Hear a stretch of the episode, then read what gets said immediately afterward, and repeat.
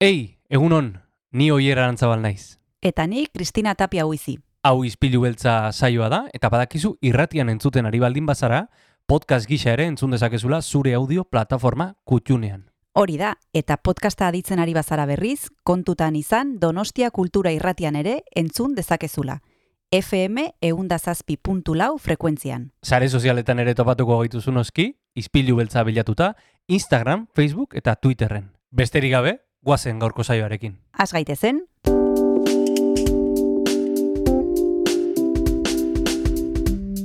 Ispilu beltza. Donostiako kulturaren berri, Oyer Arantzabal eta Kristina Tapia buizirekin.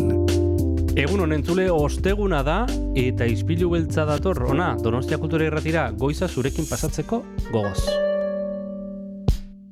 Goizak Donostian kultura zaporea izaten duelako, edo esaten duguna, eh? goiza arratsala izan daiteke edo gaua izan daiteke, gu goizeko zaporearekin egiten dugu behintzat.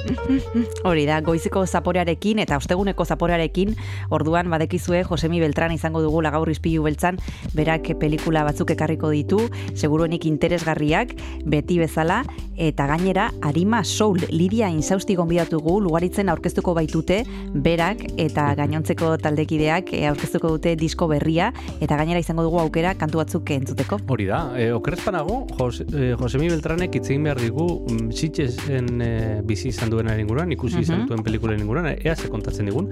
E, dudarik ez dago gaurko saioa potente datorrela, eta agian e, onena da, Jon Gartziari hasiera emateko eskatzea. Primera, magoazen entzutera gaurko izpilu beltza. Guazen.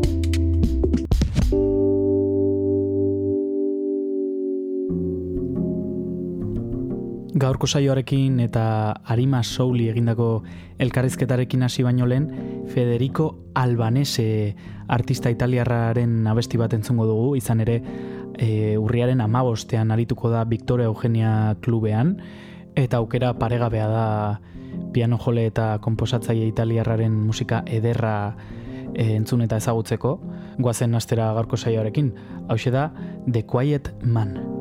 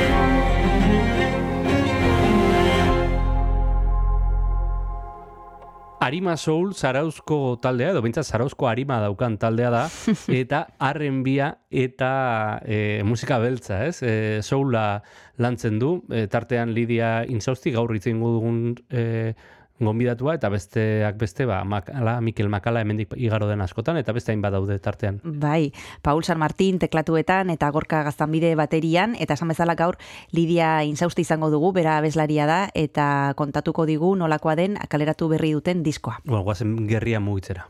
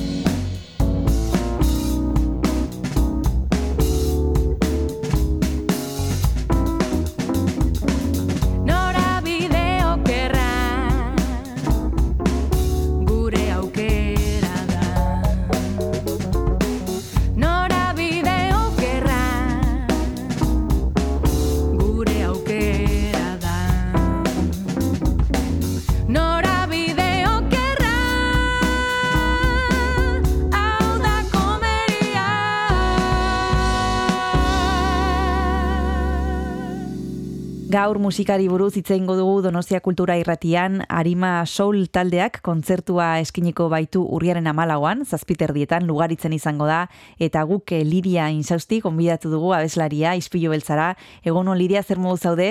Egunon, primeran, eskerrik asko gonbidatzeagatik. Bueno, esan bezala, kontzertu eskiniko duzue lugaritzen, eta lemiziko jakineko nuke horren inguruan, jakineko genuke, zer prestatu duzuen e, gau arratsalde hortarako? Bueno, ba, gure e, diska aurkeztu behar dugu, mm -hmm. horretan, eta egia esan emozio handia dakagu, ze gure lehen diska luzea izango da, orain arte egin duguna, ba, bueno, EP moduan edo single moduan atera dugu, eta, ba, bueno, e, orain gontan, ba, ja, gure abesti gehiago dazkagu, e, estiloa gehiago definitu dugu, eta nahiko pozik eratu geha, eta, ba, bueno, ilusio handi, e, repertorio hori e, aurkeztuko dugu, egun horretan, eta baita ere, ba, bueno, kontatu, nola junin da prozesua, e, pandemian zehar eta pandemia ostean nola bizi ditugun gauzak eta egin ditugun erreflexioak, ordu ba, bueno, nik uste polita geratuko dela eta gogoz gaude.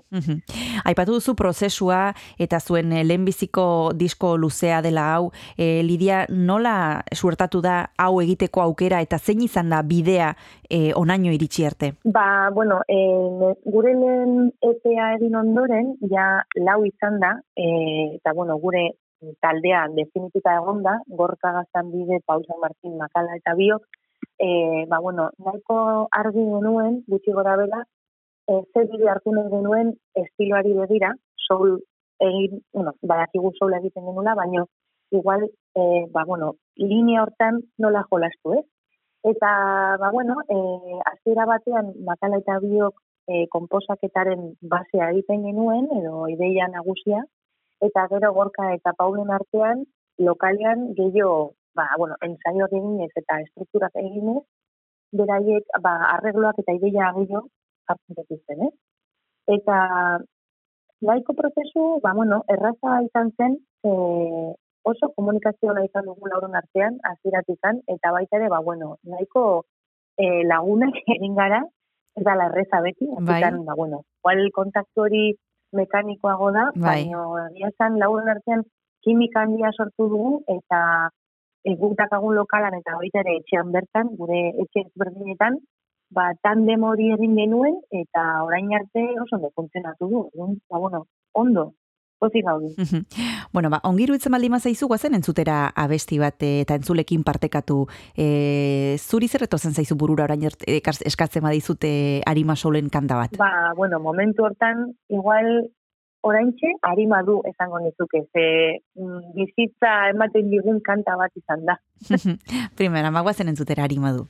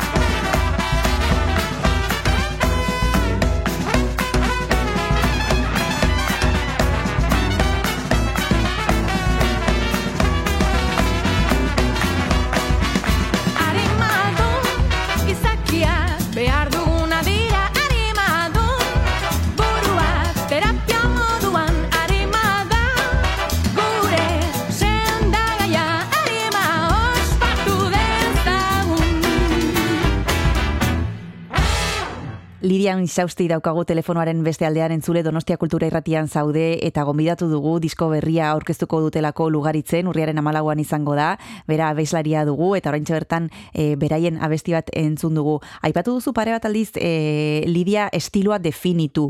E, sentitzen zenuten beharra hori egiteko edo iritsi zela momentua hori egiteko? Bai, nik uste baiet.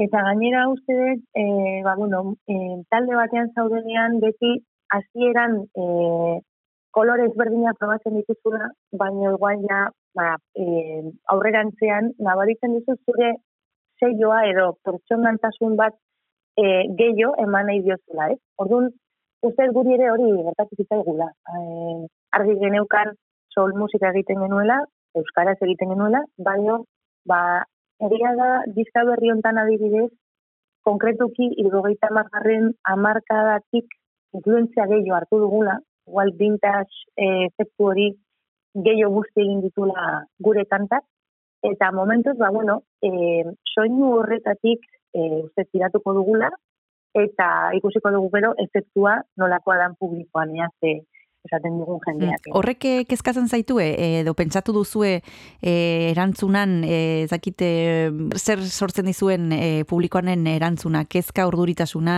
beldurra? Bueno, egia da, e, normalian gauza hauetan pentsatzen dugu da, eh?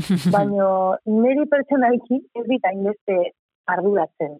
Bai, egia da, e, niretzat garrantzitsuago dela e, guk egiten dugunean hori sinestea guk guregan, gure soinuan sinestia, ze, badi, bueno, badakigu, estilontan eta euskaraz izan da, ez da la erraza e, mundu guztierentzako musika izatea, ez da? Igual minoritario hago egiten da, eta ez da hain baldez pop musika edo rock musika bezala gure mailan, ba ez da hain erraza publikoaren gana iristea. Orduan hori jakin da, eta erdi melo mano erdi frikian gehala. ba, bueno, eh, nik ja hori asumituta dakat. Orduan, eh, behintzat jendea guztara bali dago eta abesti hoien mezua edo estibiluak jaguruan guratzen bani bat ezkie, horrekin ja pozik nago. Ez, na, ez da hainbeste arduratzen digun zerbait, baina bai, ba, estilikoki edo influenziai begira, gure guretzako influenzia garrantzituak izan diren begira, ba hori nabarmentzea Hmm. Bai, hori hmm. Aipatu duzu, e, aipatu dituzu influenziak eta batzuetan e, ez dakit musikan horrela den, baina batzuetan bizitzan erresagoa da esatea zer ez duzu nahi, zer nahi duzun esatea baino. Eta nik ez dakit erresagoa izan zaizuen aukeratzea zerrez e, zer bai baino. Ez dakit prozesu hortan, ez zuen estili, estiloa definitzeko e, prozesu hortan e, nola egin duzuen aukerak eta hori edo oso naturala izan den. Ba, Bai, igual, eh, ez duzuna nahi mm, errazago izaten da, hmm. eta ados nago esan duzuna egin, askotan horrela gertatzen da. Gure kasuan, egia da igual, e, lauron artean, estilo ezberdinak ditugula, adibidez, ba, pausan martin gure pianistak e, argi dago, oso bluesman dala. e, bai jozerak orduan, bai e, entzuten duen musikaren artean, eta guztiz blues e, musika da, baino e, adibidez, ba, amarka dauetan, ez, esaten duna. Zirrogeita amargarren amarkadan edo e, baita lehenago, soul musikaren inguruan generoiek beti egon dira hor presentzia handiarekin. Orduan, e, nik uste izan dela naturala eta nahiko erraza e, aukeratzea zer nolako abestiak egin eta gero, ba, bueno, nola bideratu hori. Gorkarekin baita, ze, bere gustatzen zitaizkion erritmo motak eta eta artistak ere, ez bali ziren konkretuki soula, e, ba, inguruko estiloak zirela. Orduan, lagun artean, e, nahiko ondo borobildu dugula ustez, eta e, aukerak eta esan, zaila izan, orduan, mm -hmm. natural atera da. Bigarren tarte hartu behar dugu, Lidia, eta bigarren abesti bat eskatu behar dizut. Ezakite zer jardezak egun eta entzulekin partekatu? Venga, borain, amets, aukeratuko du. Primera, magoazen entzutera.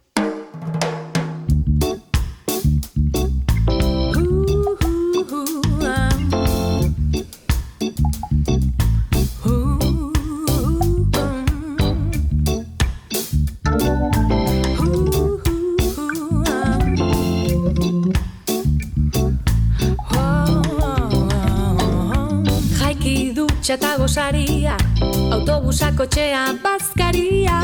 Egunero errutina berdina Bide berri bat margotzeko adina. Korrika gabil ia itxu Denborari egalak lapurtzen. Gaur berriz ere ezingo dugu Filosofia eta arte zinguratu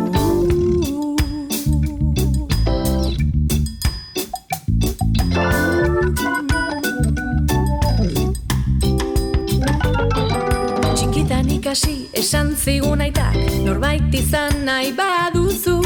Irakurriekin liburuan sartu Antagonista utxak gara. Kilometro pila dizdira bila Mendi ondartza baso artean. Lurrak pausoak estaltzen ditu Zeru ertzetik aldentzen goa Zeintzuk dira zure ametsa? Arrastakada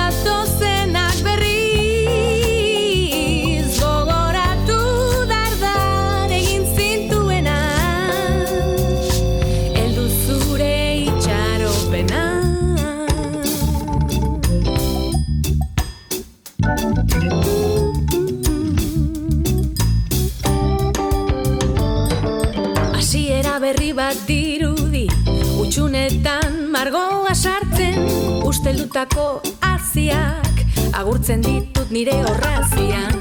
Fruituta filmen gozenago poema eta zeruen artean. Egu berriko belarran etzan loren sarean planetatika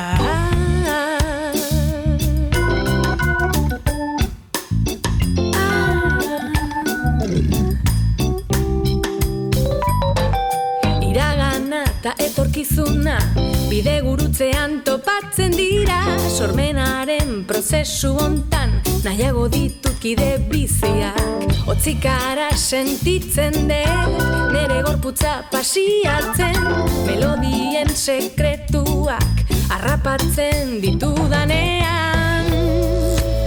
Zeintzuk dira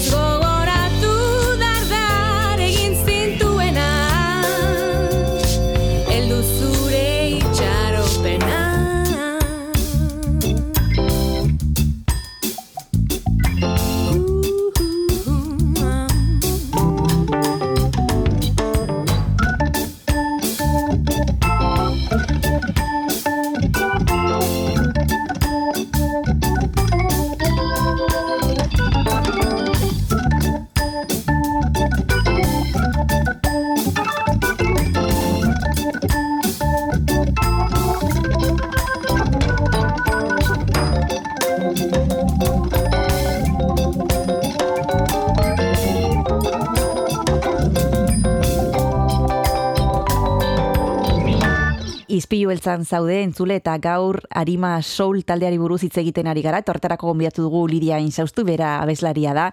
Aipatu duzu gauza bat bitxi hasieran edo bitxi egin zaita ebeintzat e, hasieran Lidia eta da lagunak egin zaretela eta horrela errazagoa dela. Aipatu behar ditugu e, taldean bazaudetela Mikel Makala basuan, Paul San Martin teklatuetan esan bezala, eta gorkak aztamide baterian eta zu e, ahotsak jartzen. E, lagunak e, ez izateak e, ze ondorio ekarri aldu e, ba, diskoari edo, edo kontzertuari edo proiektuari e, nabaritztuko genuke egu entzuleok? Bueno, nire ustez bai.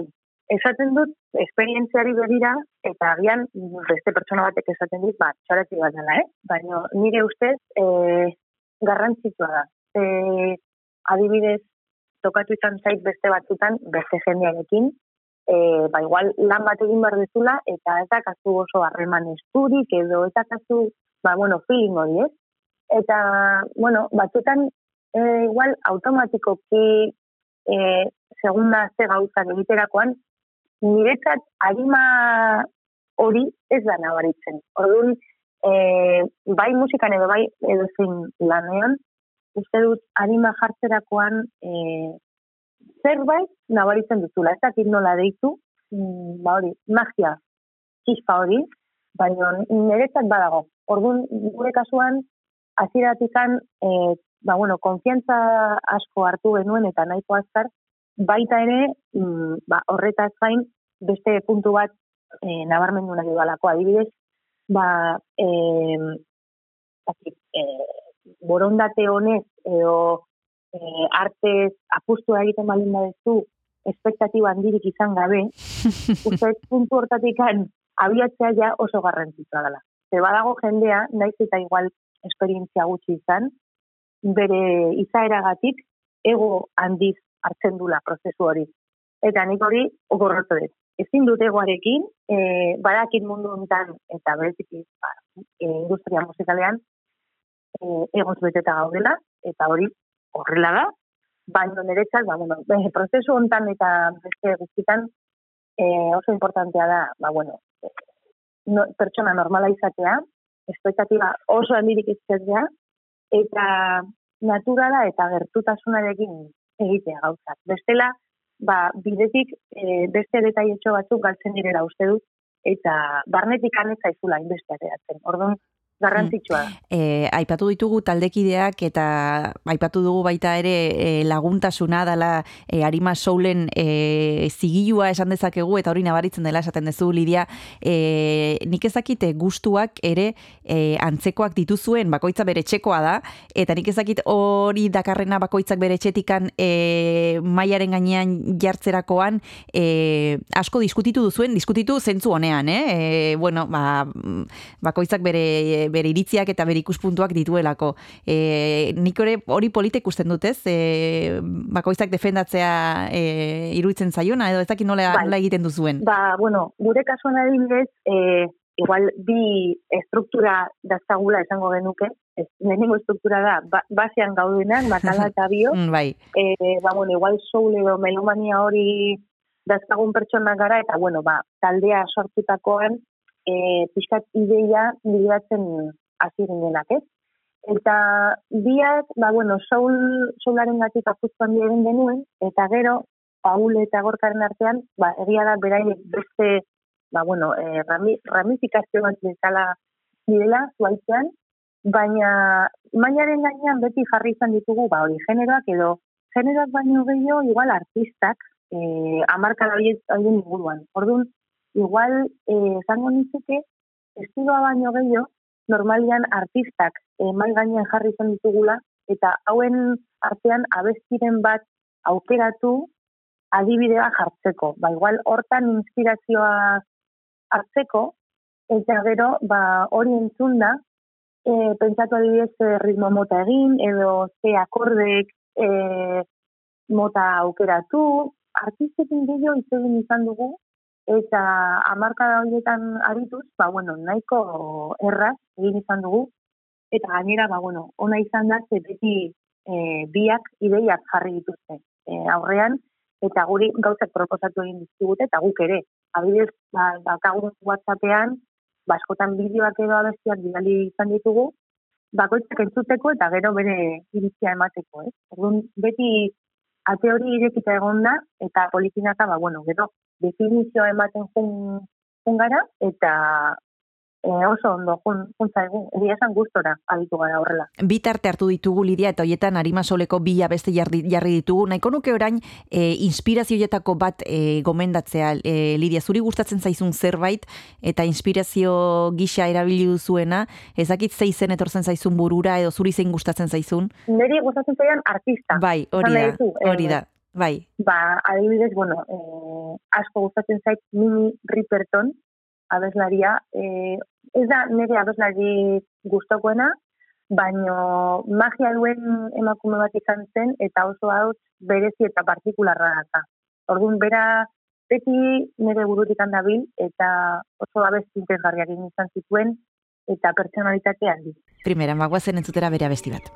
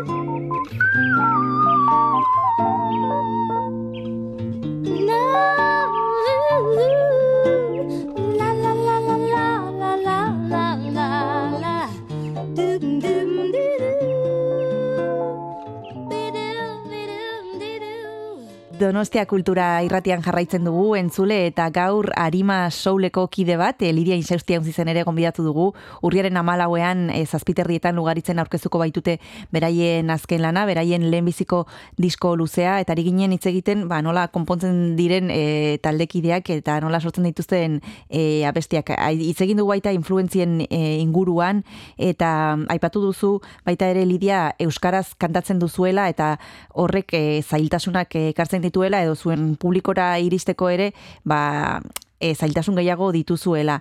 E, hizkuntzaren autua e, irmoa da, ez? Bai, egia esan, e, ez zan erraza izan hasiera batetikan, e, makala bereziki, ba, bueno, apuztu handia egin zuen horrekin, eta oso argi zuen, e, nik abentura hontan ez nintzen hainbeste ikusten, edo igual ez nintzen hain kapaza nire buruari ikusten, baino gero polita izan da, ze egonda, ba, bueno, egon dira pertsona batzuk esan dizkugutenak, ba, bueno, e, ideia ona zela eta ba, beste jendeari gerturatzea modu hontan polita izan dela.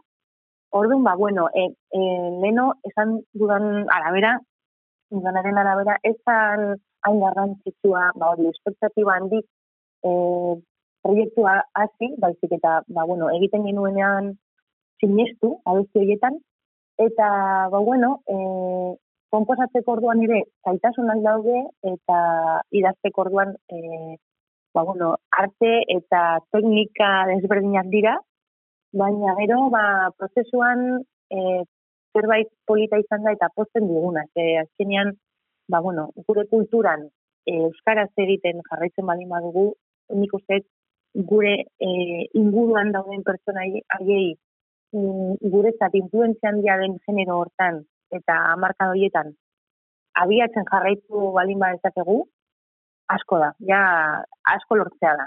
Orduan hortan jarraituko dugu oraingo eta ikusiko dugu aurrerantzean zer gertatzen da eta nolako evoluzioa dakarren. Mm. Mm. E, bueno, izan ere, sariak jaso dituzue, horrek esan nahi du, e, jendeari, jendeaz gain, e, beste norbaiti ere, eta da adituei eta ontaz e, dakiten pertsonei ere gustatzen zaiela arima soul.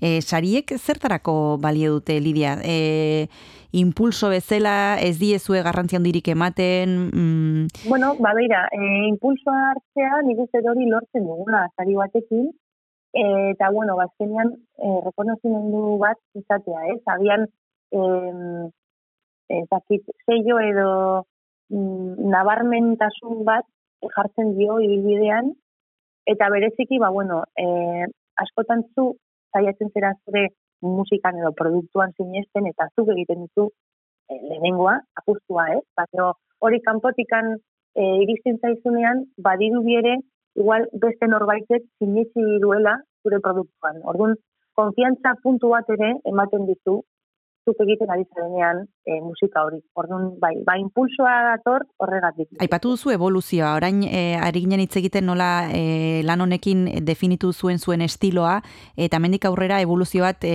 egongo da edo ez, e, ze mm, pentsatzen duzu etorkizaren, etorkizunari buruz, e, nola ikusten duzue Arima Soul datozen urtetan? Ba, bueno, lehenengo gauza, e, Euskal Herri mailan gustatuko litzeguke leku gehiotan egotea eta jotzea, gure musika gehiago e, ezagutaraztea, eta gero ere Espainia mailan, ba, bueno, pixkat e, mugitzea eta Euskara ere, e, ba, bueno, e, zuaitzegitatik e, azten egotea, e, bueno, inguruan Espainian zehar esan digute ba, nahiko desberdina zela eta hori ba, beti puntu exotikoa izan du Euskaraz egindako soula. Eta uste ba, bueno, e, puntu horrek zerbait interesgarria ekarri dezakela eta horretarako ba, gure intentzioa eta ideia da e, bidaiatzea e, eta beste lekuetan gure musika deskubritzea, bereziki. Mhm.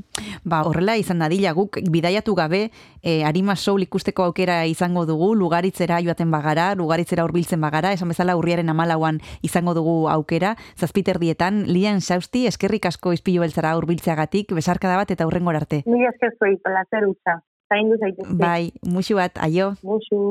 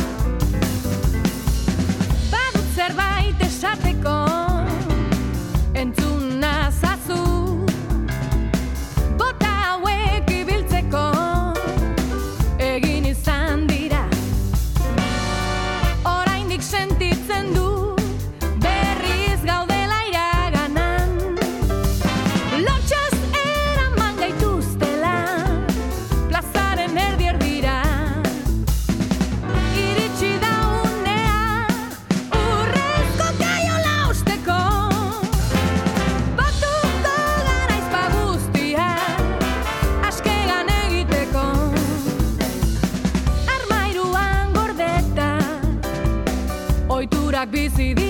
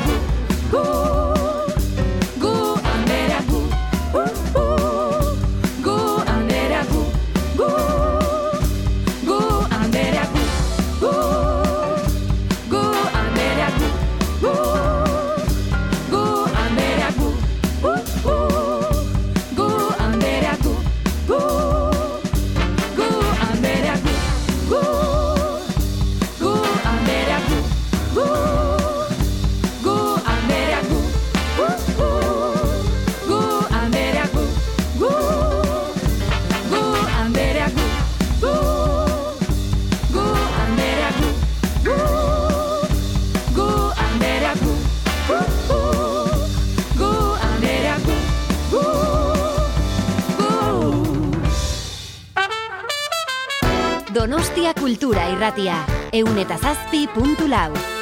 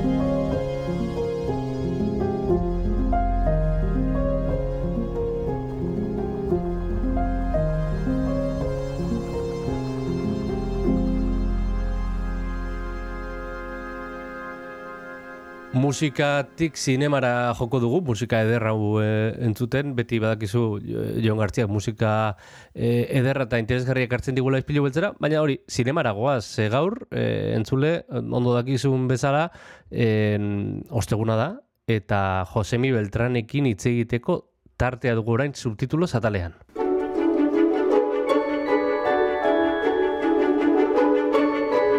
Azpitituloak, subtitulos, Josemi Beltranekin.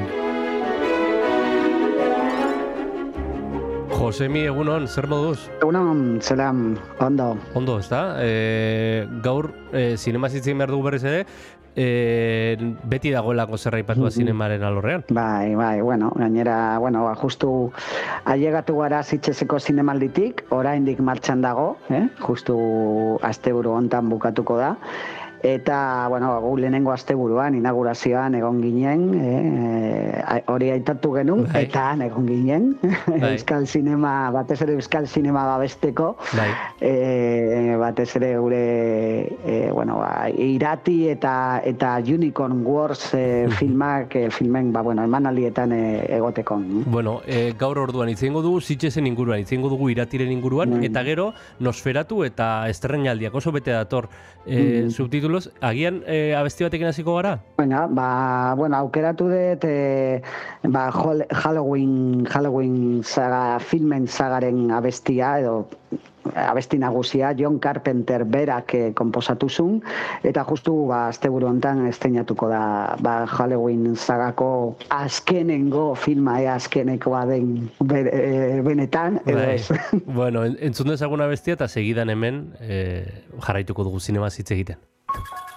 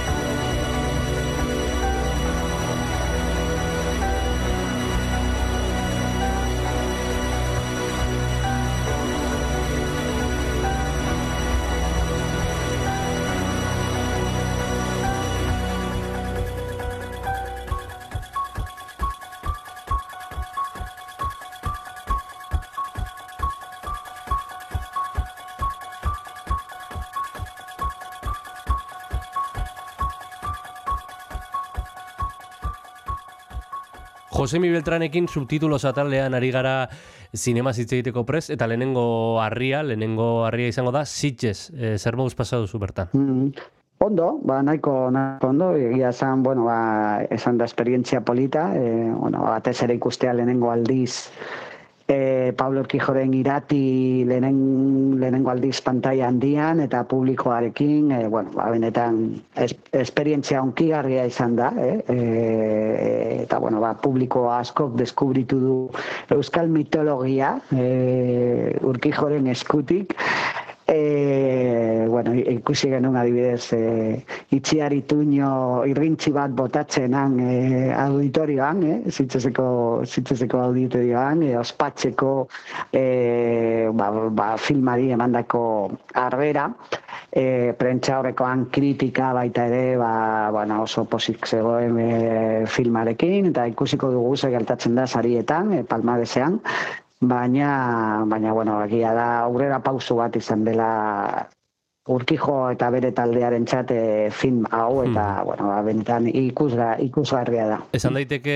harrera oso nahi izan duela, ez da hori hori entzun dugu Bai. hemendik behintzat. Bai, bai, bai, bai, bai, gainera, bueno, ja errementarin zauden gauza asko, kontu asko, baina ja aurre kontu handiago bat izan du film honetan, eta, eta bueno, ba, demostratu du segin dezaken, batez ere da, bihotxe egindako film bat, Bai. amodiozko historia bat, eh? E, bueno, ba, ematen du baita ere abera eta, eta bataiak eta borrokat da, baina batez ere da amodiozko historia bat, pertsonaien artean, e, lamia eta, eta baskon e, aginte, bueno, agintari, eneko garroi eta dune azkate, eta naturarekin batura asko duen filma. Natura, historia, mitologia, dena da du, ba, e, bueno, ba, gusto oso ona, onarekin. E, eta guretzat nire ustez Euskal Herrian ikusiko da, bueno, bereziki, bereziki, bueno, ba, ba, unkigarri eta puntu horrekin, baina kanpoan ere nazioart mailan ba, izan dezake oi handia filmak. Bai. Mhm. eh, aipatuko izkizut hiru eh, saga edo hiru film eta zaidazu zeinen antza gehiago duen. Vale?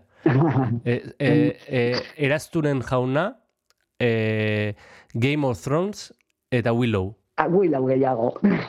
Willow, Baina, Willow, Willow gehiago, baina Willow baino, ik esango nuke Leidiakon. Lediakon. Leidiakon. Hau laro eta markadako filma, e, eta kaso horretan bazegoen, bueno, ba, astikeri bat, eta e, emakumea, eta, eta, eta, bueno, ba, eta, bueno, eta gizona baien arteko harremana naturaren erdian, batzuk komentatu dute eskalibur baita, batzuk, baina ni gehiago ikusiko, eta, bueno, e, sentatuko nuke asuntoa Leidiakon filman. Eta gero mitologia, eh? mitologia dagoan erdian, eta mitologia eta natura oso garrantzitsua dira eh, filmean. Eta Braveheart, Eh, Braveheart izan daiteke ere, edo ez? Ez, ez, Ez, ez, ez, ez, ez, ez, ez, ez, ez da ere, ez da ere, ez pentsa oso akziozko edo ikusga- ikusgarritasuna eta eta emozia, zenen oso fin emozionantea da, emozioa beste, beste leku batean dago, eh? Agian asko, asko zumeagoa, dago erreka baten barruan, lamiak e, bize diren eh, lekuan, adibidez, edo kobazulo batean, eh? Mari dagoen lekuan, handago gehiago filmaren emozioa. Tira, ba, horra irati, e, ba, Sitgesen e, estrenatu dena emozio askorekin, eta guk ere, ba, bueno, badaukagu gogoa ondia, e, Paul Urkijoren filma ikusteko izango da aukera, eta eta komentatuko dugu ikusten dugunean. E, bagoaz Nosferatura, eta horretarako e, entzungo dugu Rebels of the Neon God filmaren trailerra.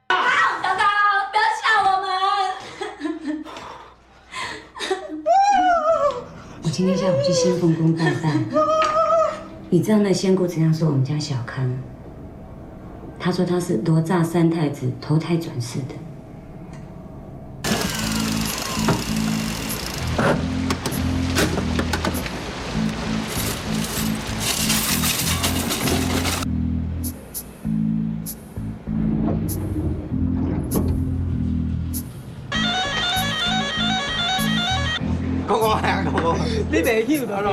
Rebels of the Neon God, eh, Taiwango filma ikusi ahal izango dugulako mm, tabakaleran.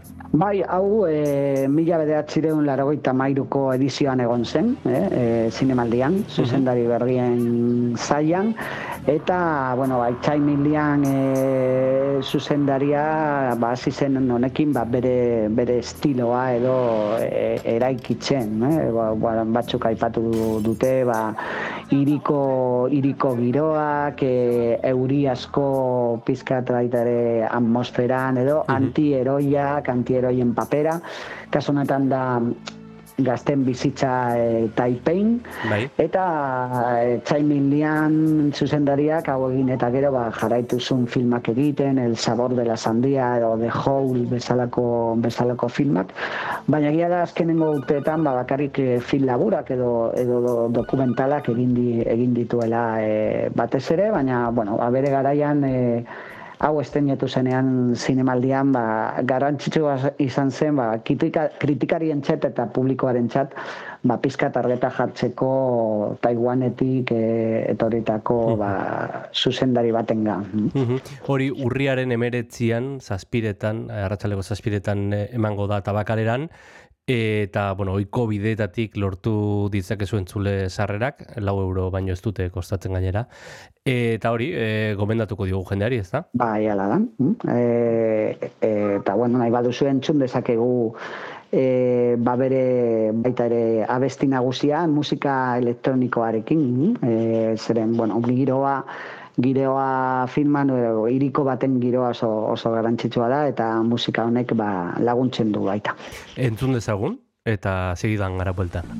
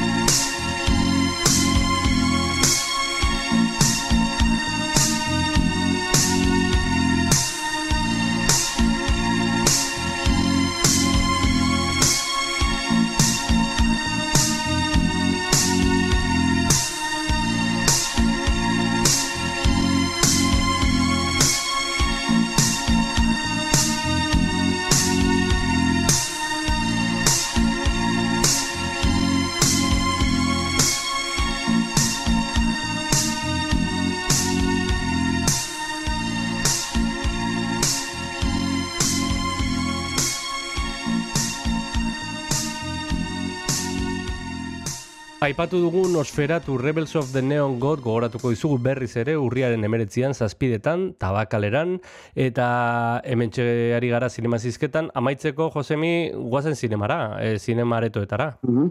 Bai, eta e, zinemetan baita zitzesekin lotutako filmak, eh? E, aipatu dugu hasieran Halloween, e, Halloweeneko bazkenengo entrega edo, bueno, esteinatuko da, baina bestaldetik izango dugu asombrosa Elisa, adibidez, beste thriller bat, estatu mailako beste thriller bat, e, zinemaldian, donostiako zinemaldian ekiz, ikusi genituen girasol, los girasoles silvestres, Jaime Rosalesek egindakoa, eta François Osonen Peter von Kahn hori ere zinemaretoetan dago. Baina nik bereziki aipatu nahi dut e, zerdita. Hm? Zerdita zinemaldian ikusi genuen, donostian, eta zitzezen egon da baita. E, Carlota Peredak zuzendu du beldurezko film hau, e, bueno, ba, Espainiako herri batean e, kokatuta eta nola bullying, bueno, ba, bullyingeko gertaera bat e, bihurtzen da beldurezko historio bat, eh? E, eta psikopaten historio bat eta beti slasher genero horren kodeak, e, kodigoak e, manejatzen. E, benetan filma opera prima da eta opera bat lehenengo film bat da, eta oso oso oso interesgarria, ba, pena, beldurezko astean ez eukitzea, baina, bueno, sinema aretoetan dugu, eta eta bereziki gomendatu, gomendatu nahi dut hemendik. Bueno, beldurezko astean ere izango dira, e, seguru, film oso interesgarriak, eta aipatuko ditugunak hemen izpilu beltzean, E, tira, Josemi, ba, agurtuko gara. E, iguar nabezti bat e, aterako diguzu mangatik edo, edo zer? Baina, beste bat, ui! Ba, hola, ja. mangatik, mangatik. Eh? Arrapatu nauzu da ipizka, eta ze pentsatu dezakegu... Arrapatu nauzu, eh? Zintxez kogora kartzen dizun e, e, abesti bat, eh, adibidez, edo edo, edo zure e, odeiaren azpian e, lasaitzen zaituen abesti bat? Ba, bueno, venga, lasaitzeko e, beldura, beldura pasata gero jar dezagun e, Bram Meldau piano jolearen edo zein doinua e, agure esateko. Primera, naukerak eta bikaina Josemi, e, bezarka bat eta torna zerte eta animo hilabete honekin, eh? Bai, mi esker zuei. Bezarka da, agur, agur. Agur.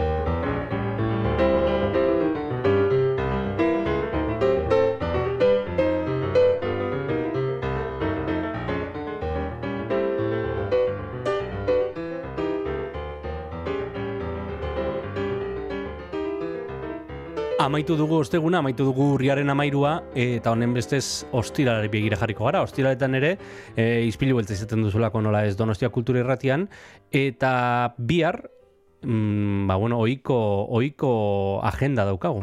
Biarroiko agenda badekizue liburutegietara hurbilduko garela, hain zuzen ere okendoraino joango gara, bertan egongo baita Marisa Hurtado, eta berak aukeratu duen liburua da El hombre prehistórico es también una mujer, Marilén Patou Matisen liburua, eta gainera, izango dugu, izango ditugu, bi gomidatu izango direlako, Sergio Errasti eta Forki, Hmm. irratigintzari buruzko ikastaroa eskaintzen baitute kasaresen, beraz bihar potolo, potolo dator. Potolo, potolo, eta bueno, gu- gu- guk ere, gure partetik ikasi nahi dugu Forki eta Sergio Errastiekin, nola ez?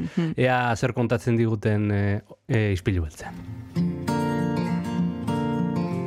Ba, Kristina, ba, bihar arte. Bihar arte. Agur, agur.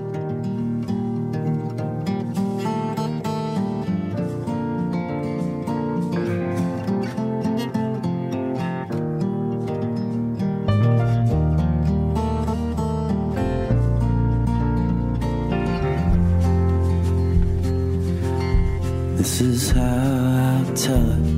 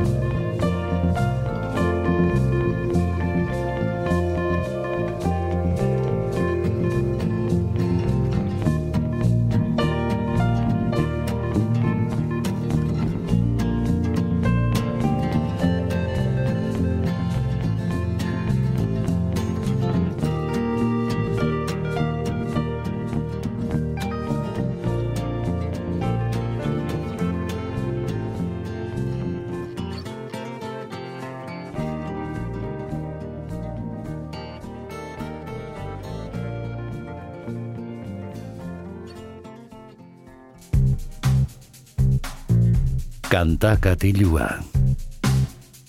Jon Gartziaren eskutik. Egun honen zule, ongietorri gaurko kantakatiura, izpilu beltzaren amaira honetara.